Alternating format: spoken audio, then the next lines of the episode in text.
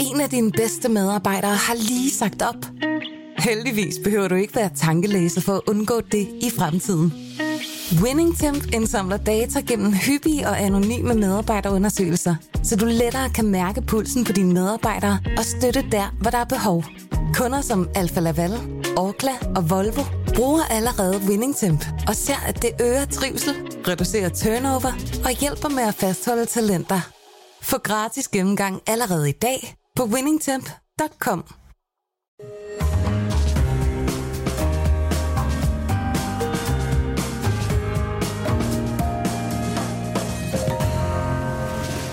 Du lytter til Korto og Steno, en podcast fra Berlingske. De to NATO-lande, Grækenland og Tyrkiet, er kommet op og toppes over et stykke havbund i Middelhavet. Nu bliver ordet krig nævnt i de indtil videre verbale slags, slagudvekslinger. Krig med hinanden har de to lande prøvet før. For 100 år siden indledte Grækenland et fatalt feltog, der kostede landet store landområder i Lille Asien. Det taler vi om med Mogens Pelt, direktør for det Danske Kulturinstitut i Athen, øh, til sidst i denne her anden omgang. Velkommen, mit navn er Torben Steno. Og jeg hedder Jarl Kordua, og vi er ikke helt på plads med ugens fidusbamse, så der kan vi jo stadig godt bruge jeres lytteres hjælp. Der er fra forløb, der er kommet et, øh, et opsigtsvækkende øh, bud. bud, nemlig enhedslistens frontfigur, Line Barfod, også borgmester, som jo har bidraget til, at vi får en skattesænkning i, i, i, i København. Det er, det er ikke hver dag, enhedslisten lægger stemmer til en skattesænkelse. Så det har vi jo... Har, har, og det er absolut vi, heller ikke hver dag, at nogen simpelthen gør Socialdemokraterne helt til grin. Men øh, hvis I har andre bud, så kom endelig øh, med jeres forslag på vores Facebook-side, Kort og Steno. Her kan I også kommentere og stille spørgsmål til for eksempel Berlingskes nordiske korrespondent, Peter Subli Benson hedder han, og han kommer forbi og det her om et par minutter, om kvarters tid, og udlægger konsekvenserne af det svenske valg. Der er jo målet ud i en smal sejr til Blå Blok, og hvor Sverigedemokraterne blev næststørste parti. Hvad kan de, de, de liberale og Sverigedemokraterne egentlig blive enige med hinanden om? Det bliver spændende at følge. Men vi lægger ud med et stort og meget konkret problem herhjemme og i resten af Europa, nemlig energiprisernes himmelflugt. Regeringen den vil nu forsøge at indføre prisloft, mens EU-kommissionen foreslår at indføre en særskat på energiselskaber, der skærer toppen af profitterne for at sende pengene tilbage til forbrugerne. Og i går, der var der jo så, øh, der, der stillede Mette Frederiksen op og var klar til at låne danskerne nogle penge til at betale øh, de her øh, elregninger. Altså alt det her, er det øh, fornuftig politik? Det spørgsmål skal du besvare, Otto Brøns Petersen, økonom, chefanalytiker i den borgerlige liberale tænketank Cepos. Velkommen. Er det fornuftig politik? Nej, det er ikke fornuftig politik. Nå. Det er ikke fornuftig tak for politik. Tak. det er bekymrende politik. Øh, nu, startede, øh, nu, nu sagde du, at der var et problem med de stigende energipriser. Øh, og det er jo præmissen. Ja, men egentlig så skal man øh, huske på, at energipriserne er, er i virkeligheden et symptom de stigende energipriser, det er et symptom. Øh, det, der er vores egentlige problem, jamen det er, at der er, vi har meget mere knaphed på energi. Ja. Så vi har, meget mere, vi har meget mindre energi til rådighed, og den energi skal vi jo holde hus med. Og der er priserne har en meget, meget vigtig funktion i en økonomi, og nemlig sørge for, at vi holder fornuftig hus med den energi, vi har, og også får sendt et signal til til, at vi kan få produceret noget mere energi øh, øh, på lidt længere sigt. Jamen, så, så vi, så, vi så derfor, kan få produceret noget mere energi. Altså, der er jo ikke nogen, der altså, ikke arbejder på det, eller sørger for, at vi kan få produceret noget mere energi, som ikke er afhængig det, af Putin. Ikke? Jamen, det er jo ikke, det, det er faktisk ikke, ikke, ikke, ikke helt rigtigt, fordi hvis man begynder at pille ved prismekanismen, sådan som øh, kommissionen foreslår, ikke så meget den, den danske regering endnu, men det kommissionen har været fremme med, jamen det er i virkeligheden noget, som vil, øh, som, øh, vil øh, gøre, at vi producerer mindre energi, dårligere og dyrere energi på længere sigt. Øh, så det vil være konsekvensen af, at man begynder at lave de her, af den her beskatning øh, af det overnormale afkast, som man okay, kalder det. Hvad så, hvis, de, hvis alle de her øh, kloge mennesker lyttede til dig? Hvad skal man så gøre? Ingenting?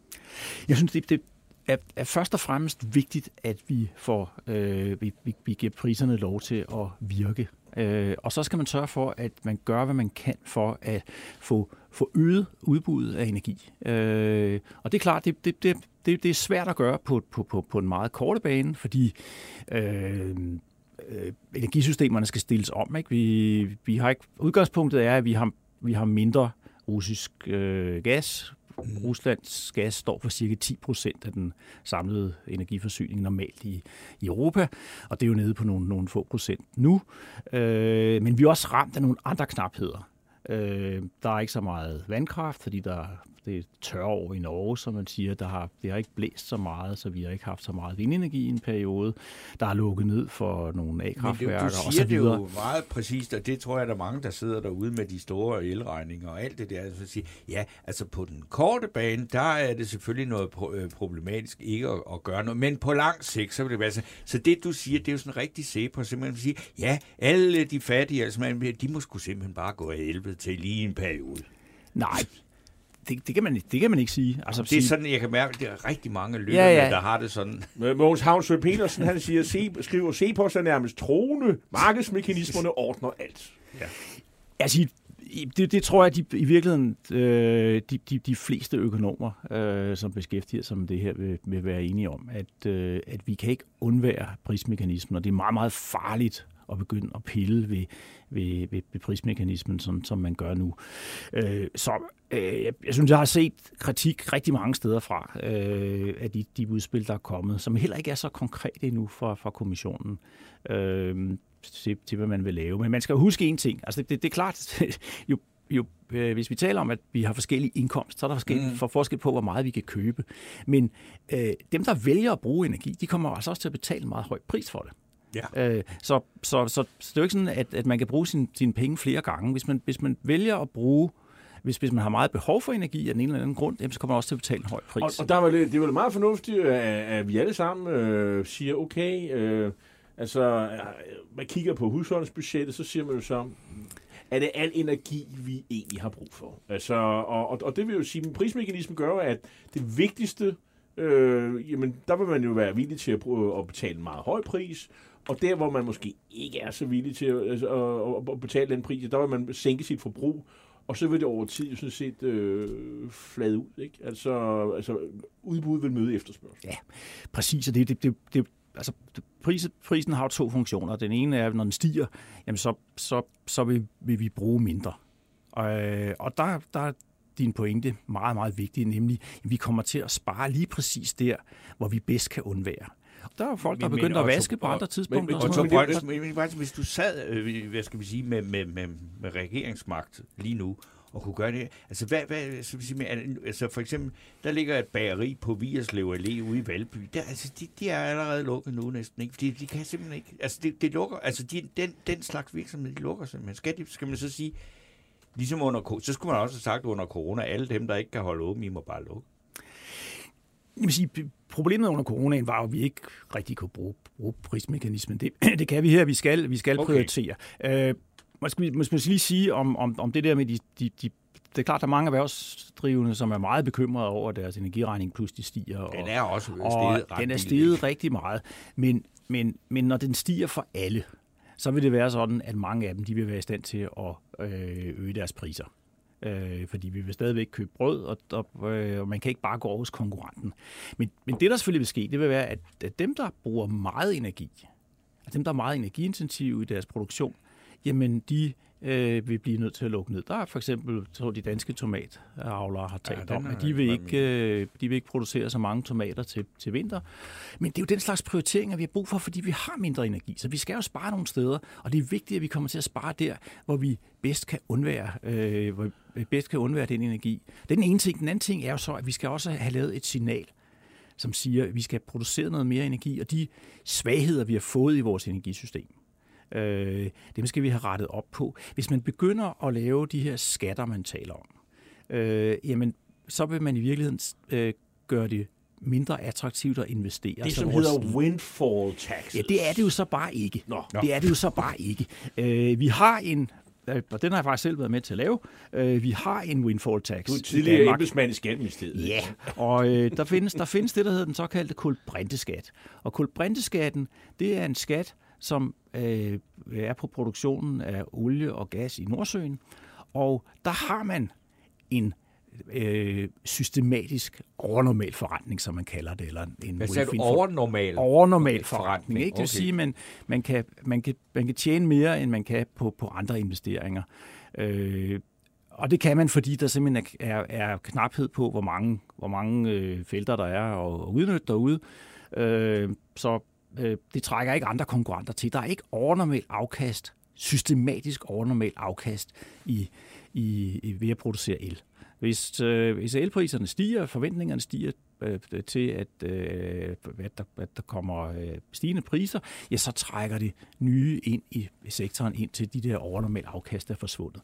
Så øh, på, på, på sigt er der ikke noget overnormalt afkast i, i, i elsektoren. Hvis man skulle lave sådan en skat i elsektoren, som man lavede i Nordsøen, så ville konklusionen og resultatet af den, det ville være, at der ikke ville komme nogen penge i kassen. Øh, fordi øh, hvis man skal lave en rigtig skat på overnormal afkast, så skal man også give fradrag, når der er perioder med, med tab. Hvad, hvad, vil nu, hvad, hvad synes du kunne være en, øh, en regulering? Altså findes der noget regulering, som du synes, det kunne være meget fornuftigt øh, egentlig, sådan her på det korte bane? Jeg vil sige, sige noget, noget, noget, regulering, synes jeg faktisk har været, været fornuftig, og selvom det har på kort sigt har skabt stigende priser, en del af forklaringen på, at priserne er så høje i øjeblikket, det er, at øh, EU-landene de har i, givet øh, øh, støtte til, at vi kan fylde, få fyldt gaslagerne op. Så når vi går ind i vinteren, så har vi fyldt det gaslager. Og det er klart, at det har jo taget noget af det gas Ja, ja. af markedet, som vi ellers kunne have lavet el for. Mm. Øh, men det er jo fornuftigt, at vi har den, at, at vi har lager til, til vinteren, så, øh, så, så, så vi kan klare os lidt bedre. Så, så det, er en, det, er en, det er en fornuftig regulering. Så synes jeg faktisk også, at øh, EU kunne have en rolle ved at forhindre landene i at skal sige, prøve at skubbe byrderne over på hinanden. Øh, og vi har set, øh, at øh, EU-landene de har, de har begyndt sådan at sætte øh, på må og få energiafgifter ned midlertidigt. Mm. Øh, og det, der sker, det er, når man sætter energiafgiften ned, er det selvfølgelig, at så, så bliver det billigere at købe energi i det enkelte land. Tyskerne har gjort det, øh, øh, svenskerne har gjort det. Øh, og, øh, men, men der er ikke mere energi til rådighed på den korte bane, og det vil sige, at man driver i virkeligheden priserne før afgift i vejret. Så det er sådan en, man kan sige, det er en, en, en, en tendens til, at, øh, at landene ligesom modarbejder hinanden. Og der kunne EU have en, Koordinerende. en koordinerende rolle. Vi kunne også have en koordinerende rolle med at få forstærket vores energisystem. Man skal tænke på, at hvis det enkelte land fører dårlig energipolitik, fordi vi har et, et sammenhængende, specielt elsystem, jamen så kan man skubbe byrderne over på hinanden. Men det, det, der sker, hvis man begynder at lave de her særskatter, som EU-kommissionen nu anbefaler landene at lave, det er faktisk at forringe de enkelte landes energisystemer. Og det kan de gøre i en vis udstrækning, fordi de kan skubbe byrden over på hinanden. Øh, over på hinanden. Så EU går, altså, svigter en meget, meget vigtig funktion, den har med at koordinere øh, og forhindre, at vi at vi, altså det gør man jo for eksempel ved, at vi ikke slås om at give landbrugsstøtte og, og sådan nogle ting. Vi skal også nå at høre din kommentar til øh, det forslag, som øh, regeringen kom i går med at sige, jamen øh, nu, nu fastholder vi sådan et niveau for elregningen. Man kan regne med, at øh, elregningen den vil ikke stige, og så kan man jo så øh, over det næste år øh, øh, få lov til at betale øh, øh, det, man egentlig skulle have betalt i elregningen. Øh, fordi så, er, øh, så, så vil staten jo være, skal man sige, øh, bank eller Ja. kreditforeningsselskab, er eller hvad man, kan, hvad man kan sige. Er, er det ikke meget fornuftigt, at folk ikke skal gå fra hus og hjem, og ikke kan få øh, enderne til at mødes her på den korte bane? Sige, nu, nu er det jo normalt sådan, at hvis ikke man kan betale sine energiregninger, så der skal ret meget til, for at man, man, man lukker ned, øh, for, for at man slukker for strømmen. Det, det er ikke noget... Det er jo ikke sådan, man, noget, man man bare kan huske kan, fra ja. Anders Sand, ikke? Øh, Jo, Ja, men- præcis. Men, altså, lige, Men hvis så- du så- ikke så gør man det, kan så, altså, du får regningen på et tidspunkt. Du får alligevel. egentlig præcis, men det gør du så også med, med Ja, ja. regeringsforslag. Det er jo Øh, så vil det være frivilligt. Sige, Det er jo frivillig ordning, jo. Ja, og sige, så, så man kan egentlig godt spørge sig, hvem det er, man, man egentlig hjælper med, med det her forslag, ikke? Fordi øh, Men hvis du ikke har nogen penge, så, så er det vel fint nok? Jo, jo, ja, du kan sige, det, øh, nu er det jo ikke smart, at staten begynder at, at låne penge ud. Staten er ikke god til at drive bank, og øh, øh, man kan se, øh, de, de restancer, der er til, til det offentlige, de er eksploderet i, igennem en, en årrække, og det her vil skubbe Ja, yderligere altså, til det, jeg tror, er der ikke en, der er en klog mand, der siger, at det tager 23 år at få det inddrevet, hvis man startede, fik det hele hjem, Ja. nu, som det er nu, ikke? Og man kan se, der er, øh, altså man kan, man kan se, at, at, at, at, at der er cirka 150 milliarder, vil jeg tro, der er løbet op på nu. Det var 144. ved Altså i gæld offentlig gæld. i, i restancer, ikke? ja. Re- restancer. Og øh, hvis... Øh, men, men, men, men, men de har også opgjort kursværdien af det, altså sige, hvor meget regner de med at få hjem. Og, øh, Det er joke. Og det er, ja, og det, det, der, er, øh, der er mere end 100 milliarder, der er tabt allerede øh, i, i, det, i det regnstykke. Og det vil også komme til at ske her, og de har jo også afsat, afsat penge til det. Og Tom Brøns, hvorfor er det øh, sådan, at politikere stort set lige meget, hvilken farve de har, når der sker sådan noget, de lytter aldrig til sådan nogen som dig? De gør det ikke. Nej, jeg vil sige, der, der er jo, altså det, det er jo klart, at for rigtig mange mennesker er det jo en, en, en kæmpe stor udfordring, at vores energiregninger pludselig stiger. Øh, Vi er også ramt af inflation og, og, øh, og, og den slags ting. Og det er klart, at der er jo en kæmpe efterspørgsel efter at udvise handlekraft. Ja. Øh, kæmpe, og man skal demonstrere, at man gør noget.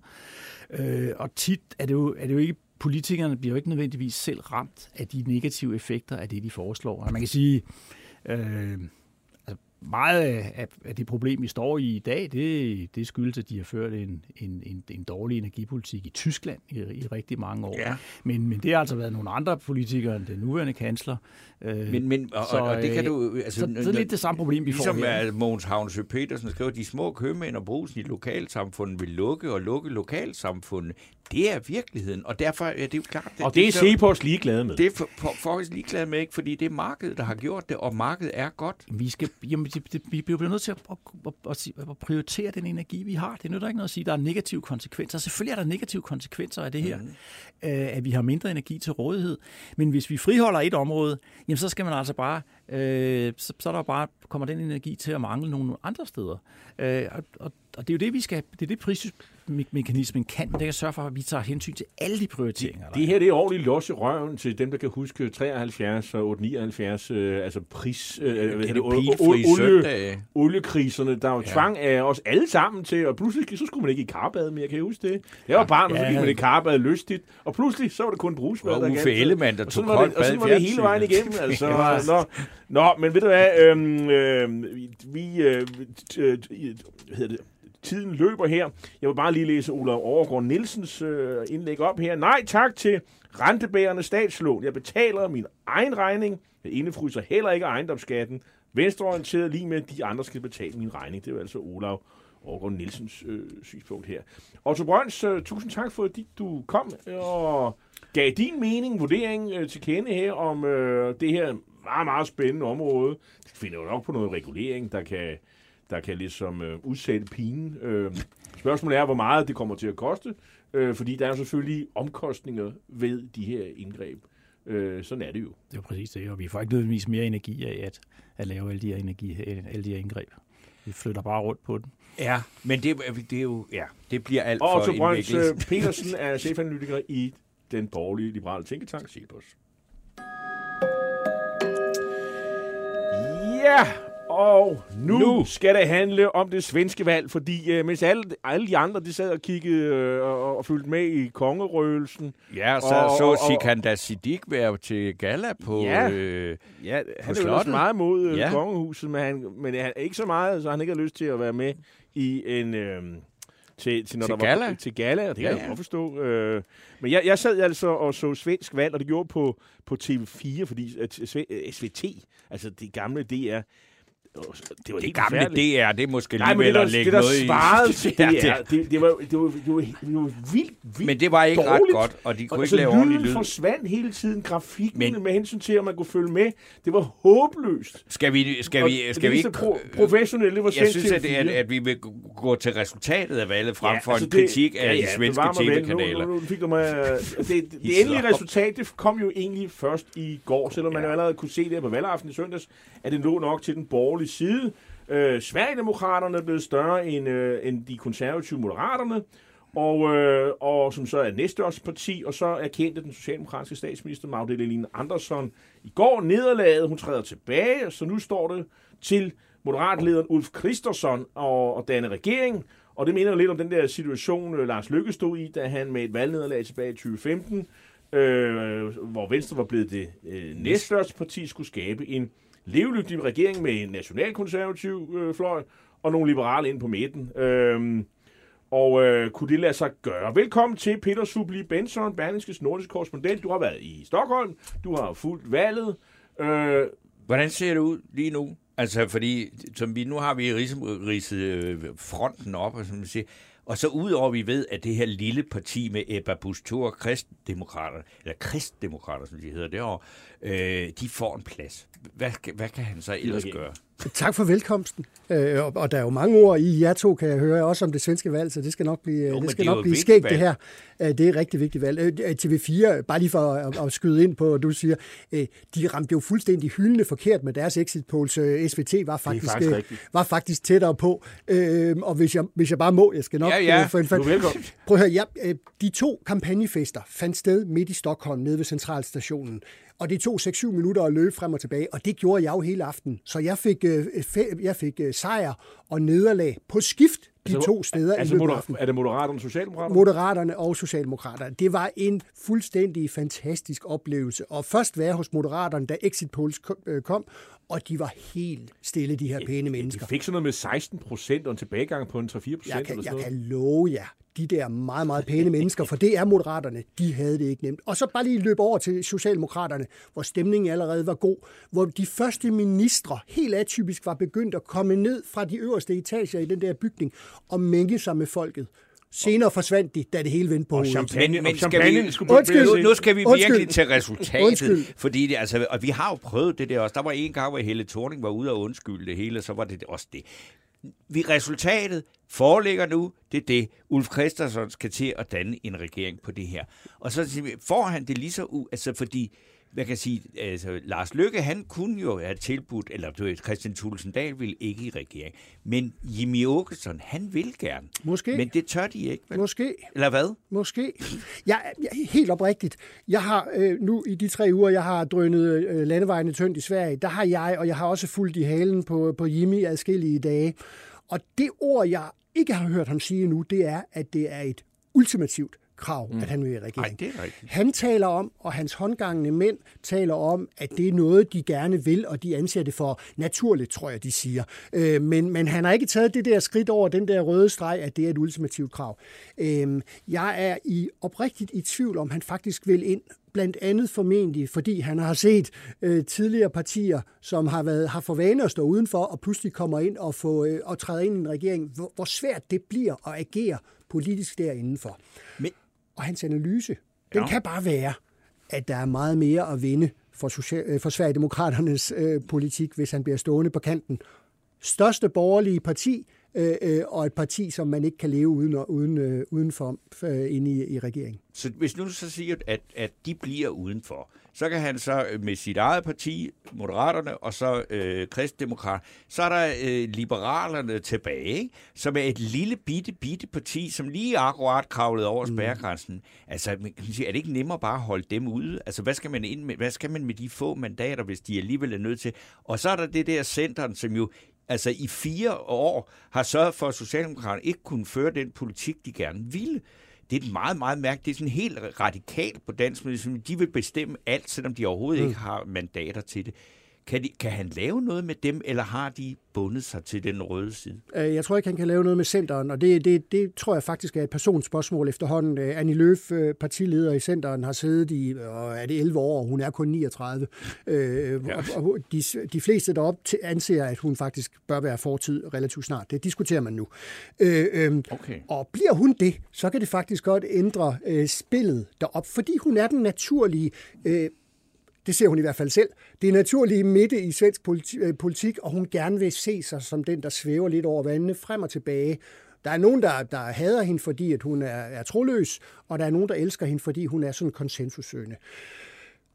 Jeg, jeg regner hende ude af den her ligning. Lige nu, der handler det simpelthen om, at Ulf Christensen, han skal have, han skal have strikket en regering sammen, hvor han har en, tænker jeg, tryg base, Øh, vurderingen i Sverige også, jeg har godt nok talt med mange mennesker, og også mange øh, kloge øh, politiske hoveder deroppe, og de siger, hmm, de, de tror faktisk, at liberalerne kommer med i regeringen, fordi at det er, hvis man taler om Sverigedemokraterne som øh, sådan øh, lidt et missil, der svæver lidt fra øst til vest, så, så er liberalerne sådan set det samme, øh, øh, for, fordi de, der er rigtig mange i det parti, som helst ikke vil have noget med Sverigedemokraterne at gøre. Og han, derfor har Ulf Christensen måske behov for at omfavne dem, for at kunne håndtere Sverigedemokraterne efterfølgende. Prøv, i, I mange år var der jo en uh, model, som man siger, hvis man nu kunne veksle, hvad skal man sige, udlændingsstramninger øh, til liberale reformer. Altså hvis du kunne lave det trade-off, øh, som nogen forestillede sig, der kunne laves mellem Liberal Alliance og, og Dansk Folkeparti og, og, og VLAG-regeringens periode 2015-2019 endte med at blive en borgerlig katastrofe. Svenskerne står i en situation, der kan godt kunne minde om den i hvert fald. Kan du se for dig, øh, at de kunne finde ud af det sammen? Jeg synes faktisk, det er svært. Øh, fordi helt ærligt, hvis du skralder nogle af de hvad skal vi kalde det, mere sorte lag af Sverigedemokraterne, så er det jo, så er det jo, så er det jo et socialdemokrati. Mm. Det er jo, øh, og det er jo socialdemokratiske. Øh, det, ans, Socialdemokraterne anser, at Sverigedemokraterne har taget deres vælgere. Mm. Øh, og at de vælgere, der stemmer, mange af dem i hvert fald, der stemmer Sverigedemokrater, stadigvæk bør komme hjem i folden. Mm. Øh, og der er, det vil sige, der er langt fra, fra det liberale, de liberale stemmer, som godt nok, synes jeg, har det svært i partiet Liberalerne, øh, øh, og så over til Sverigedemokraterne og den der grundsocialdemokratiske tone af, hvem det er, man vil, vil men, men, men, men hvis det er, du kan sige til vælgerne, nu har vi altså sørget for, fordi det er jo udlændingepolitikken, der yes. er jo øh, kernblod. Og Jimmy Åkesson kan jo sige til vælgerne, ja, vi har fået de udlændingsstramninger. Yes. Desværre har jeg måttet give til de der frygtelige liberale. De, har, de måtte have nogle mm. reformer hjemme, så vi har lavet et kompromis, og det er sådan, vi bliver nødt til at handle her, for nu bliver vi nødt til at tage ansvar osv. Kan du se det for dig? Ja, jeg kan godt se det for mig. Og det er også derfor, jeg egentlig indledte med, og, og jeg viser, det kan være, jeg, vi, vi ved ikke, hvem der får ret, men, men det her med, at jeg tror ikke, at demokraterne går i regering, fordi der er mere at hente udenfor. Og han, der er jo ikke et tvivl om, Jimmy Åkesson, han er en fuldstændig forrygende dreven øh, øh, politisk leder. Han har virkelig, virkelig, han er vokset, han er vokset i hans fremtræden, han er vokset også i hans, øh, altså i hans, øh, hans storhed på en eller anden måde, hvis man kan tillade sig at sige det. Så, så han, han kan godt afkode, hvad, hvad der virker for at gøre hans øh, vælgere tilfredse. Men så, hvis vi nu øh, så ser på, hvad for en politik, der kan komme til at blive gennemført, så tænker jeg, efter jeg har siddet og set de der debatter, Altså, jeg var fuldstændig målløs. Altså, for otte og for fire år siden, der var Danmark et skældsord i de debatter, hvis man var på den røde side. En af dine bedste medarbejdere har lige sagt op. Heldigvis behøver du ikke være tankelæser for at undgå det i fremtiden.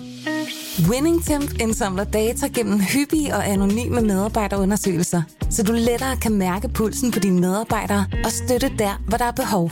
Kunder som Alfa Laval, Orkla og Volvo bruger allerede WinningTemp og ser, at det øger trivsel, reducerer turnover og hjælper med at fastholde talenter. Få gratis gennemgang allerede i dag på winningtemp.com. Så sidder vi så her nu op til det her valg, og så bliver der sagt Danmark, Danmark, Danmark, og så er det idealet, og det er ligegyldigt. Det var det også for Magdalena Andersson. Det var bare sådan, det, der var jo ikke, altså, og hun, altså, øh, Socialdemokraternes program, med hvad der skal gøres ved skyderierne, ved manglende integration, segregation, hele lort, det er vi skal bare gøre ligesom i Danmark. Så det burde da være en smal sag for ham, der Ulf Christensen, at sige, vi har det, selvfølgelig har vi da Sverigedemokraterne med til, men det er Socialdemokraterne også. Det er meget, meget nemt. De kan da ikke stemme imod det, som de selv er gået til valg på. Nej, det burde, det burde være sådan. Det har, været, det har været fuldstændig fantastisk at være dansk journalist i en svensk valgkamp, fordi at alle de svenske politiske journalister har været fuldstændig vilde, når de hørte, der stod en dansker foran den, for at høre, hvordan pokker det er, vi har gjort herover, fordi at netop alle politikerne ja, taler. Og, og for otte år siden var, du, var du racist? Øh, men, men, og, det, og det er der, det hele er vendt fuldstændig på hovedet. Altså, og det, det er jo der, for mig at se, at Rød Blok har tabt, øh, øh, fordi de har forsøgt med Magdalena Andersson øh, i spidsen og, og omfavne eller kramme øh, øh, den her problemstilling og de her mennesker på, på højrefløjen øh, ihjel, og det er bare overhovedet ikke lykkes, fordi virkeligheden hele tiden har overhalet øh, det scenarie, de, de har stillet op omkring, hvad der er problemet og hvad der er løsningen. Men, men, og, og, og, lad os lige prøve at høre, hvad er det egentlig, de konkret foreslår? Kan du, kan du komme med nogle eksempler? Hvem af dem? Øh, ja, det er jo næsten ens i øvrigt. Jamen, så lad mig høre. Ja, men, men, men altså, lige før, lige før valgkampen for alvor gik i gang i juni, øh, der var jeg i Mjølnerparken øh, her i København, øh, og der mødte jeg øh, to svenske ministre, der var blevet sendt herop for at gøre sig klar til valgkampen. Anders Ygemann, integrationsminister, mm. Lena Hallengren, øh, socialminister. Øh, og Ygemann, han lyttede rigtig interesseret i, øh, hvad, hvad, øh, hvad, ikke, ikke så meget, hvad de danske politikere eller politifolk sagde, men hvad de folk, der sad og styrede et boligkvarter, fortalte om, hvordan de arbejdede med at bryde segregationen, øh, herunder rive bygninger ned, flytte beboere og lave et mix. Så tog han hjem i starten af august og fremlagde det her som et diskussionspunkt, og så faldt himlen ned over ham, altså på svensk. Øh, øh så han jo blev kaldt dybt racistisk, fordi man kan ikke tvangsflytte mennesker, og man kan ikke, man kan ikke stille krav om, hvilket sprog skal der tales i boligområder, og må det være øh, ikke nordiske kontra øh, folk fra andre øh, øh, lande. Øh, og det, det, det indrammer på en eller anden måde, hvor meget dansk øh, politik og dansk, dansk dagligdag er blevet en kæmpe faktor. Så det var altså en socialdemokratisk minister, Anders. Ygemann. Øh, han holdt fast. Statsminister Magdalena Andersson gik ud og støttede ham. Øhm, senere under valgkampen, så gik Magda ud, og så siger hun, øh, vi kan jo ikke have et Somali-town, et Little Italy eller et, øh, et Chinatown i Sverige længere. I Sverige skal der tale svensk, det er en første forudsætning for, at vi overhovedet kan komme til at hænge sammen. Og de, de, er også med, de er også med på visitationszoner. Ja. Det var også noget af det ja. mest forfærdelige, der Og det var spørgsmålet, som jeg ikke svarede på, beklager. Øh, jamen, men du kan tage alle de tre. Alle dansk. Hvis jeg husker ret, er der tre vedtaget bandepakker, og nu en fjerde på vej. Ja. Er det sådan, det er? Ja. Øhm, øh, jeg, de skal bare oversættes til svensk. Jamen, det, ved du hvad? Det er det, der kommer til at ske. og det, og og det, det er og Socialdemokraterne ind for, hvor, hvor det er, det så, så må det da blive nemt at lave det en. Det er visitationszoner, det er anonyme kilder, mm. det er... Øh, så højere straf. Øh, højere straffe. Problemet i Sverige er, at hvis du skal lave øh, lovændringer, så skal der foregå et udredningsarbejde. Og det, det værste, jeg har set, det var, at øh, de har sat et udredningsarbejde omkring højere straffe mod bander, som de lægger op til kan tage tre år. Jeg tror, jeg tror, der kommer en borgerlig regering, som vil kortslutte det, fordi for Ulf Christensen, hvis vi skal blive der, hvordan gør han Sverigedemokraterne tilfredse? Det gør, hvad han ved at levere til dem i konkreter. Det her, det er jo politik, der ikke koster penge. Altså, ja. højere straf, bandepakker, altså i hvert fald ikke sådan, mm. det, er jo mm. ikke, det er jo ikke sådan en velfærdsstat, man ruller ud. Mm. Altså, så, så det er jo, det er jo, skal man sige, det er lavt hængende frugter. Det, det tænker jeg. For jeg tror, jeg tror rent faktisk, at den socialdemokratiske regering havde lavet akkurat det samme. Fuldstændig. Jeg, jeg, jeg har også skrevet et par gange i den her, den her herlige avis, at, at, at, at jeg, vil ikke, jeg, jeg er sikker på, at jeg ikke vil kunne se forskel. Jeg kan ikke høre forskel på dem under valgkampen, mm. som I også er inde på. Øh, og jeg er, held, jeg er også sikker på, at man ikke vil kunne se forskel på i hvert fald betydelige dele af den, den konkrete indsats mod banderne. Så er der indvandringsspørgsmålet, fordi det er Sverigedemokraterne okay. special. Lad os så høre. Mm. Nå, men, men altså, øh, Jimmy Åkesson, når man, når man følger ham og møder ham og lytter på ham også i debatterne, langt hen ad vejen, så er det en til en, hvad de andre siger. Så, så popper ind imellem, så popper, så popper den gamle Sverigedemokrat op, øh, hvor det siger, ja allerhelst, så vil vi jo stoppe for indvandring fuldstændig. Stop for familiesammenføringerne. Øh, øh, og så, så fører han tal frem om, hvor stor indvandring øh, har været indtil dato i år. 90.000, tror jeg, i Sverige. Og, så, og det er så mange ukrainere, men der er også mange andre fra ikke-vestlige lande. Mm. Øhm, og så, så, kører han, så kører han ud af den, den mere klassiske Sverigedemokrat-tangent. Og det, den kommer han til at, og, øh, og kunne hygge sig med i en, øh, en blå regering, hvor for eksempel, som vi talte om, liberalerne stadigvæk Ej, er. De altså og de vil rigtig gerne have arbejdskraftindvandring, for det er jo også en del af det, og de vil gerne have fri bevægelse på alle mulige måder. Så der, der er nogle steder, hvor man i den blå men, regering vil, vil Men det er, sådan, det, er, det er jo Dansk Folkeparti mod Liberale Alliance. Samuelsen mod Tulle, ikke? Og så kan de så slås med det. Men, men, men det er jo rigtigt, altså det, på de andre områder, altså vil sige, bare roligt, hvis vi ser på det fra dansk side, så har vi synkroniseret vores øh, altså indvandrerlovgivning øh, næsten øh, fra om, om, om et par år. Ikke? Jo, jo, fuldstændig. Øhm, øh, en af de sjoveste øh, reaktioner på den nu borgerlige øh, valgsejr øh, kom i avisen på leders, øh, ledersiden i avisen Expressen, som skrev med, med direkte reference til, til hele Rød Blok og, øh, og øh, det velvoksen hylekor, som jo er en del af svensk politik, øh, nemlig at slap nu lige af. Øh, vi, vi, får, vi får ikke Trump, vi får ikke øh, Ungarn. Øh, det vi kommer tæt på, det er Danmark. Så, så under valgkampen, der var Danmark en stor ting. Efter valgkampen, der er det sådan set stadigvæk. Og nu øh, øh, på en måde, hvor man siger, ro på. Altså Danmark, Danmark har gået anderledes til indvandring, anderledes til bandehåndtering, og det er jo bare det, der kommer til Sverige. Det virker som om, at øh, du er lidt mere positiv på, at øh, det her med at bygge en borgerlig regering, det skal nok lykkes. Øh, så bliver der selvfølgelig problemer hen ad vejen, men det, det, du, du er sådan mere optimistisk. Hvad gør Magdalena Andersson? Hun har været chef, øh, formand for Socialdemokratiet, hun er statsminister i, hvad, hvad, hvad blev det, et år Ja, siden november. Ni måneder. Ja, nå, Nej, knap november. år. Ja, knap. Øh, hun gik en lille smule frem. Ja. Øh, er det en fiasko? Ja, det er det. Øhm, hun øh, forsøger at sige, jamen hey, vi gik jo frem. Ja, ja. Øh, hallo, venner, det er det næst laveste socialdemokratiske valgresultat i, tror jeg, 109 år eller noget, der ligner. Siden Første Verdenskrig, ja. Og det, og, og, det, og, og, og det er det, det hele handler om. Hvis man er socialdemokrat i Sverige, så handler det om én ting. Det er statsministerposten, og den tabte hun. Mm. Så hun er selvfølgelig presset. Hun kommer ikke til at, at, at ryge nogen som helst steder, fordi hun, hun har vist, at hun hun har, øh, hun, har, hun har en tone, som virker over for svenskerne. Men Ja, hun, har andre, hun- hun, hun har andre problemer. Hvis de ser bort fra partiet, hvis man siger, hvilken person, øh, person ville svenskerne gerne have som statsminister, så er hun populær. Ja, absolut mest troværdighed. Ja. Ja. Det er hende, de anser som, som være den optimale kandidat. Okay.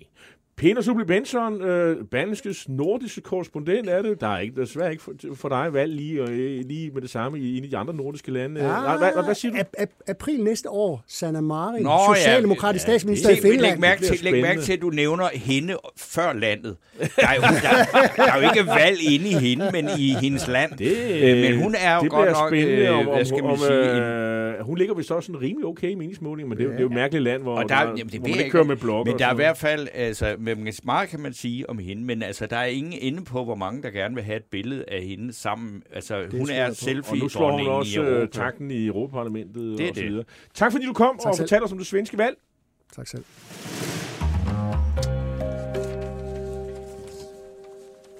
Nå. Jamen, vi snakker Og- øh, om Bamsen, Ja, fordi så- vi, øh, vi, skal, øh, vi skal se, om der er kommet andre bud end øh, Simon Nielsen Ørgaards indstilling til, at, at enhedslisten i København for at have lavet forlig, der medførte øh, skattelettelser i øh, København, for at de lavede altså et budgetforlig uden om Socialdemokrater. Det er den øh, nominering, som vi har øh, siden fra første øh, time. Så er der også kommet en her fra Carsten Sandholm. Han skriver fidusbamsen til elbørsen Nordpool for at give alle elproducenter gaspris for deres elproduktion, hvis blot et gasfyret kraftværk skal i gang for at dække den sidste procent af efterspørgselen på el. Vi har alle betalt overpris på el i 30 år for at få grøn el. Jeg er simpelthen med mit, øh, mit øh, intellekt er simpelthen ikke i stand til at forklare eller forstå, hvor genialt det her er, men det må du kunne, Korte, fordi du er ja, jeg har, økon. jamen, jeg, umiddelbart, så kender jeg ikke øh, modellen, men det er sikkert, det er sikkert fornuftigt. Øhm, jamen altså, jeg, må, måske vi skulle tale lidt om, øh, jeg vil måske hellere tale om øh, den øh, klumme, jeg har skrevet i dag, omkring øh, øh, Morten Messerschmidt og Dansk Folkeparti. Altså, Ja. jeg, jeg synes jo, det er jo lidt forunderligt at se et, et parti, hvor man er så fuldstændig verdensfjern omkring sin egen situation. Altså, man har jaget alle øh, øh skal man sige, gamle støtter ud af partiet. Man ligger og ruder på mellem 2,5-3 procent øh, af stemmerne. Altså, man er mere eller mindre lukningstruet, og så kører man bare videre, som om intet er hent. Og i sidste uge, så kommer øh, en af Messersmiths gamle øh, rivaler og, og partifælder, nemlig Martin Henriksen, og siger, jamen, og, og han henviser selvfølgelig til den... Øh, øh, til det, det, det der øh, øh, sommergruppemøde, som Dansk Folkeparti holdt i Skagen tilbage i 2015, Mhm. som jo var finansieret af EU-midler. Det er jo det, der er hele pointen, altså den der mælkfond, som Messerschmidt havde fået lavet, hvor han jo påstår, at der blev holdt EU-konference, og, og der øh, er Martin Henriksen fuldstændig klar i spytte. Han var med i folketingsgruppen på det tidspunkt. Der var ikke nogen EU-konference. Der var, folk, der var sommergruppemøde.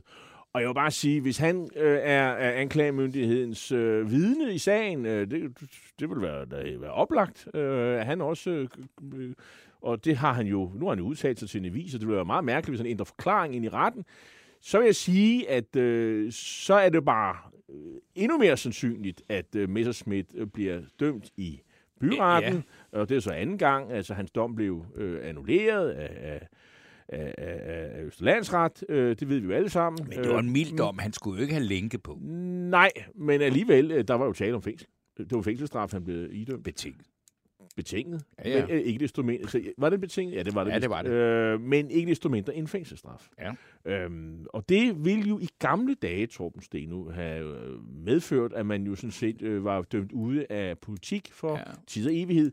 Men tiderne skifter. Ja.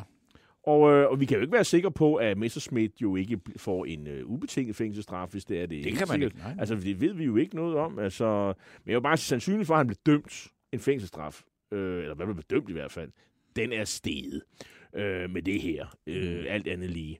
Og, øh, men altså, må det ikke, at øh, den øh, kult, der er ved at opstå omkring øh, Messerschmidt, øh, hvor han jo er sådan... Øh, øh, øh, næsten tæt øh, som sige, øh, niveauet øh, før Jesus øh, Kristus, i, i hvert fald i, i, i de øh, sammenhænge der, ja. ja. at der vil han da sige, jamen, jeg har fået en øh, betinget, jeg har fået en dom, men øh, I kan jo bare kigge på Inger Støjberg, øh, Ja, ja. hun kan jo Vi fortsætte. har jo et politisk så der er jo ingen grund til at fortsætte. Jeg har så udstået min straf, ja. øh, fordi jeg skal jo ikke i spjælet. Eller Jeg er selv spjældet. jurist. Og så kan jeg jo bare fortsætte og lade som ingenting. Ja. Så jo skyde skylden på, på alle de grimme mennesker, der var med til livs. øh, Pressen, politiske modstandere, EU, øh, mm. hvad hedder det, anklagemyndigheden, kan jeg forstå, øh, man også mener øh, øh, er efter ham. Øhm, så, og, så, og, så, og så kan han sådan set bare cykle videre. Det, det er sådan, dansk politik er blevet. Altså, man er lidt ligeglad med, at folk de får en dom. Jo, altså, Martin, det- det, man- sige, der er et vist Nå, kundeunderlag ja, altså, til den det- øh, form for politik. Det er bare, man skal sige, uanset om den ene eller den anden bliver dømt, så, øh, så, vil, så vil Morten Messersmith, altså, altså vil sige, der, er- der hvor han kan op eller fastholde nogle vælgere, hvis det kan, overhovedet kan lade sig gøre alligevel, så øh, er det jo, at, at øh, det, der, hvor, hvor, hvor, hvor Dansk Folkepartis vælgere er, de er jo dem, der er rykket over på, til Inger Støjberg, og de er også ligeglade med, med, med om, om, om øh, man får en, en, øh, en dom øh, ved, altså, bliver, og bliver dømt kriminel, fordi det, der er afgørende for de mennesker der, det er, at de har besluttet sig for, at retssystemet er en politisk domstol. De anerkender det ikke længere. Nej. Øhm, Og det, det kan man sige, det er jo øh, en måde, hvor, hvor øh, altså det, det tror jeg ikke, øh, så det er noget nyt i dansk politik, at der er øh, så mange kunder øh, til den øh, øh, holdning. Så, og øh, det, det, jeg ved ikke, hvad man skal øh, gøre øh, ved det, men det, det, man må bare anerkende, at det er der altså folk, der mener. Og så kan man så sige, øh, Morten Messersmiths problem lige nu, det er selvfølgelig, at, der, at han ikke har bare tilnærmelsesvis samme folkelige pol- pol- øh, popularitet, som Inger Støjberg har.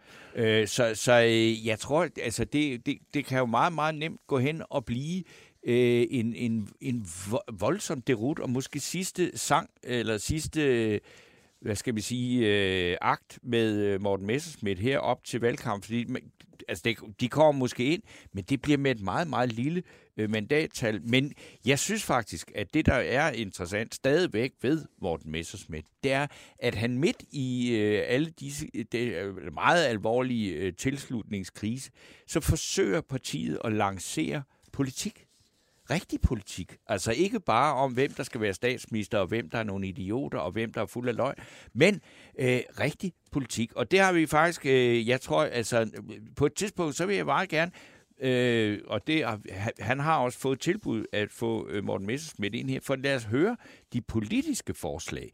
Fordi vi kan jo ikke sidde og diskutere, om han nu er skyldig eller ikke er skyldig, eller den slags, som vi måske bruger øh, over øh, kaffebordene. Men lad os prøve at diskutere politik, fordi det er jo øh, faktisk noget, vi mangler lidt i den her valgkamp.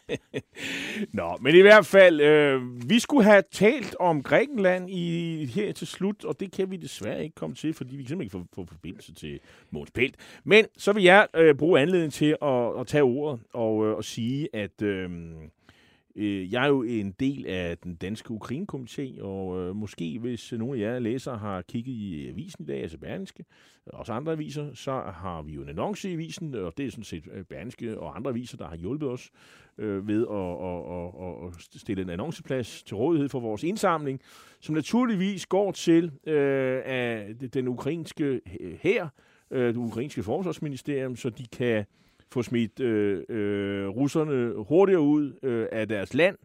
Og, øh, Og, og, og her klokken 12, så øh, lancerer vi faktisk sådan en kampagne på de sociale medier. Tag godt imod dem. Øh, se, kig i jeres øh, øh, pensionsformue. Se, om der ikke var nogle af de penge, der kunne gå til øh, hvad hedder det, øh, den ukrainske her. Det, vinteren står for døren. Øh, de skal have sommeruniformer. I går så jeg, at den øh, litauiske øh, regering er i gang med at hjælpe med, med, med, med sommeruniformer. Jeg har jo også set med stor tilfredshed, at øh, den, den danske forsvarsminister Morten Bødskov, som jeg synes, synes kunne give en fidusbamse nærmest hver uge, fordi øh, han, øh, Danmark er, er, er klart med til at samle penge ind, øh, donorkonference.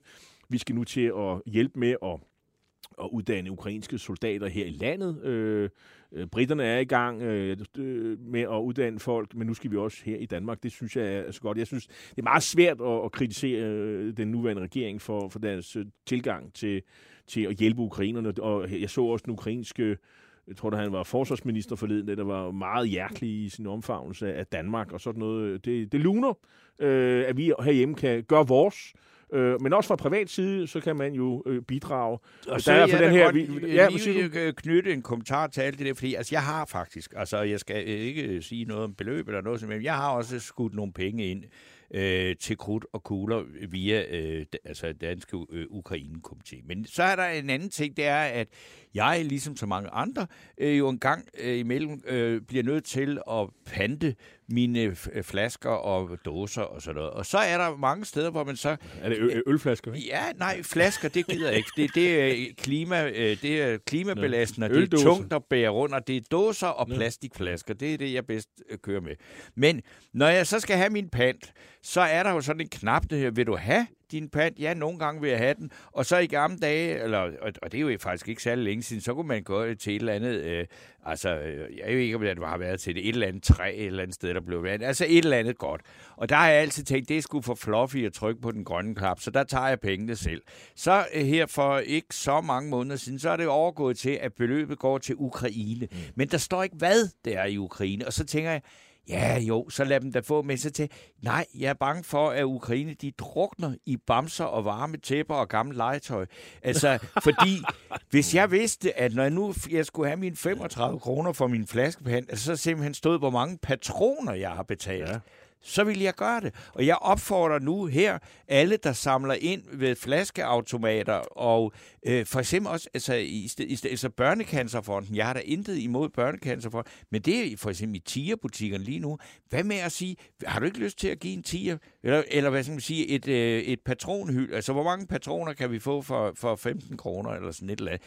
Jeg synes, der er noget enormt smukt ved, at øh, det, der er sket under Ukrainekrigen, det er, at der er en mulighed for at samle ind til noget, som ikke er humanitært, men faktisk er øh, øh kampgiven eller støtte til reel kamp for øh, de demokratiske øh, værdier, som man øh, desperat kæmper for i Ukraine. Og øh, nu er det så, at jeg sidder her og øh, taler øh, lidt, øh, hvad skal man sige, lidt ud i den blå luft, men der er øh, faktisk kommet et par, eller hele to opfordringer på en anden fidusbamsemodtager. Øh, og det er Jørgen Jacobsen, der skriver, øh, at han er enig med Annie Hedegaard, og Annie Hedegaard, hun har nemlig foreslået, at øh, den gode øh, øh gamle juraprofessor Eva Schmidt, som er ud af Hækkerup-familien, at hun fortjener en fidusbamse, og for et par uger siden indstillede jeg hende og det, øh, til fidusbamse, fordi hun havde skrevet noget meget interessant om, at hun mente, at der måtte være en person i systemet, som var meget, meget, meget øh, ude efter Lars Finsen, altså FE-chefen, øh, mm øh, siden at den øh, mærkværdige sag øh, kan blive ved med at køre.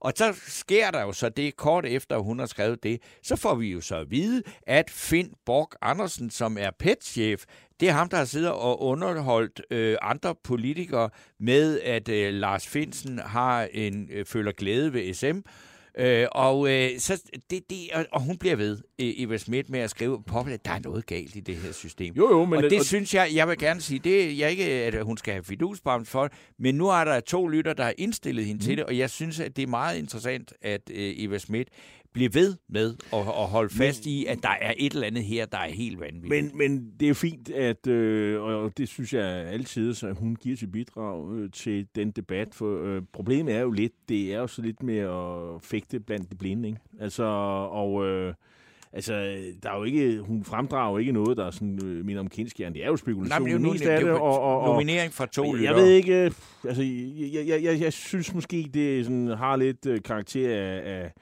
af, sådan konspirationsteori, øh, men jeg vil også sige, jeg har altså ikke læst hendes seneste indlæg, så det vil jeg så godt lige øh, understrege. Så det kan godt være, der gemmer sig øh, guldkorn øh, der. Øhm, men altså, Torben Steno, øh, jeg tror desværre ikke, at øh, det, okay, det kommer... Det. At, øh, er, der, er han igennem nu?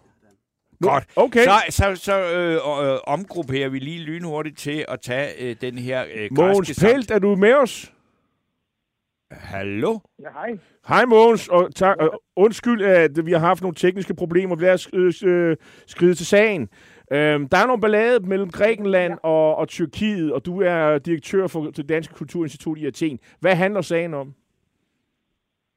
Ja, den handler om, hvis man følger retorikken, det vil sige, det er tyrkerne siger, det er dem, der i offensiven, øh, at grækerne har brugt nogle aftaler omkring øh, græske øer tæt på det tyrkiske fastland, ved at militarisere dem, og derfor så gælder aftaler fra 1923 og 47 ikke de aftaler, de grundlæggende for grænsedragninger mellem Grækenland og Tyrkiet.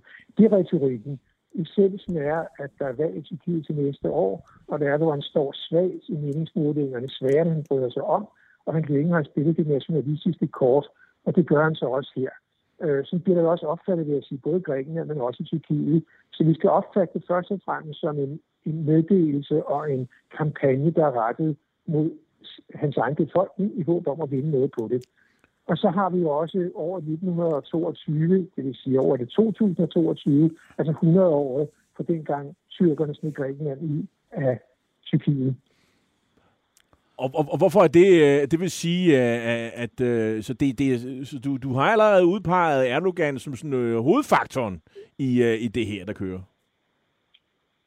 Ja, altså det er meget, meget vanskeligt at finde noget, der kunne udgøre noget, der vil have en reel kasus i. Altså det, man må spørge sig om, når man hører sådan noget her, det er selvfølgelig, hvad er der sket af nye ting? Er der sket nogle væsentlige ændringer i, i forholdet mellem Grækenland og Tyrkiet på den ene eller anden måde? Og i de internationale relationer er der ikke sket noget væsentligt radikalt, som kunne give anledning til det her.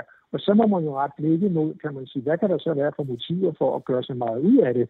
I øjeblikket, som man gør på den måde med den retorik. Og det er derfor, jeg når til den øh, konklusion. Men det er, jo, det er jo sådan et godt gammelt diktatorprincip, det der med altså, at sige, hvis det går af helvede til på hjemmefronten, så angriber vi, eller så går vi i krig mod nogle andre, og så kan vi samle nationen om det. Men altså, er det noget, som, som øh, man kan aflæse i den tyrkiske offentlighed, at det er da virkelig en god idé? Det, vi kunne godt tænke os noget, måske en lille krig med Grækenland.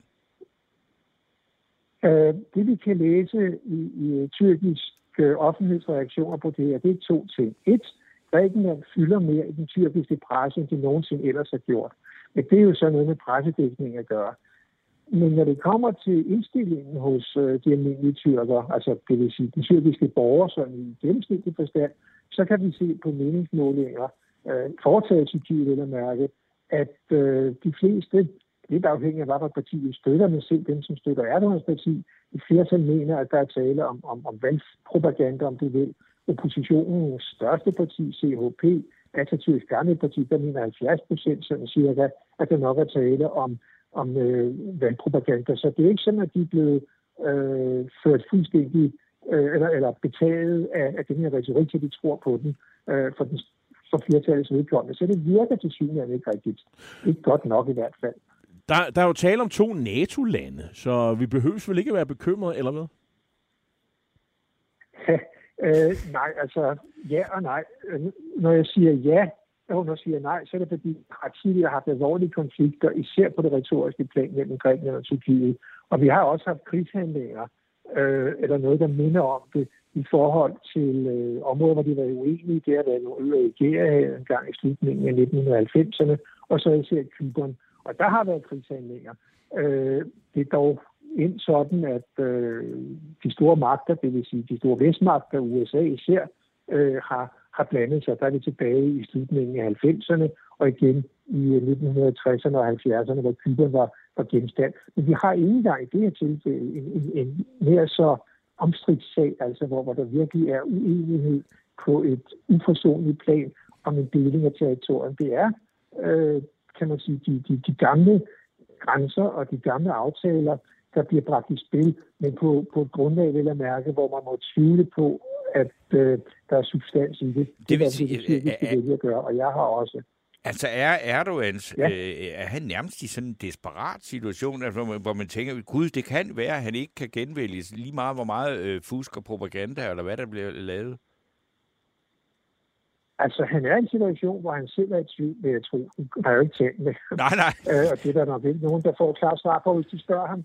Men, men uh, meningsmålingerne ser ikke gode ud. Altså, det er en sådan karakter, at man med rette, også hvis man var ham, kunne tvivle på, om det kan lade sig gøre. Det er ikke udelukket naturligvis, men men det er helt klart, at et klart og tydeligt flertal har han ikke tværtimod. Øh, oppositionens kandidater ser ud til både at kunne vinde præsidentvalget og oppositionens partier øh, et flertal i parlamentet. Så må man spørge, hvordan vil de så samarbejde, når vi når dertil. Det er en helt anden historie. Men hans position og hans partis position er, er klart udfordret.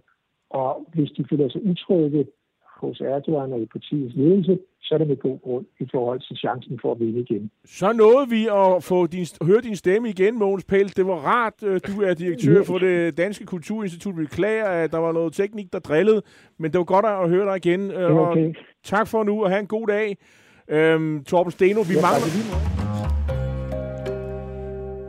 Vi skal have Vi skal have afgørelsen, og øh, vi har 30 sekunder tilbage, men jeg synes, øh, jo længere tid jeg har siddet og funderet over det her, så øh, er jeg, øh, jeg er med på, at øh, ugens fidusbamse, den går til, til enhedslisten i og København. Men øh, i Line kraft Barfod. af Line Barfod, fordi det var hende, der ligesom orkestrerede denne her øh, budgetaftale i København, uden om Hvor Socialdemokratiet. skatten blev sendt sat ned. Ja, det er faktisk et øh, ret imponerende øh, stykke politisk håndværk. Men det er ikke for håndværket, det er for skattenedsættelsen, at man, at man overskrider Okay, sine... men Line Barfod, og med det siger vi tak for i dag. I teknikken sad... Øh, Anna Fris Rasmussen. og Louis Feigenberg sørgede for alt muligt andet.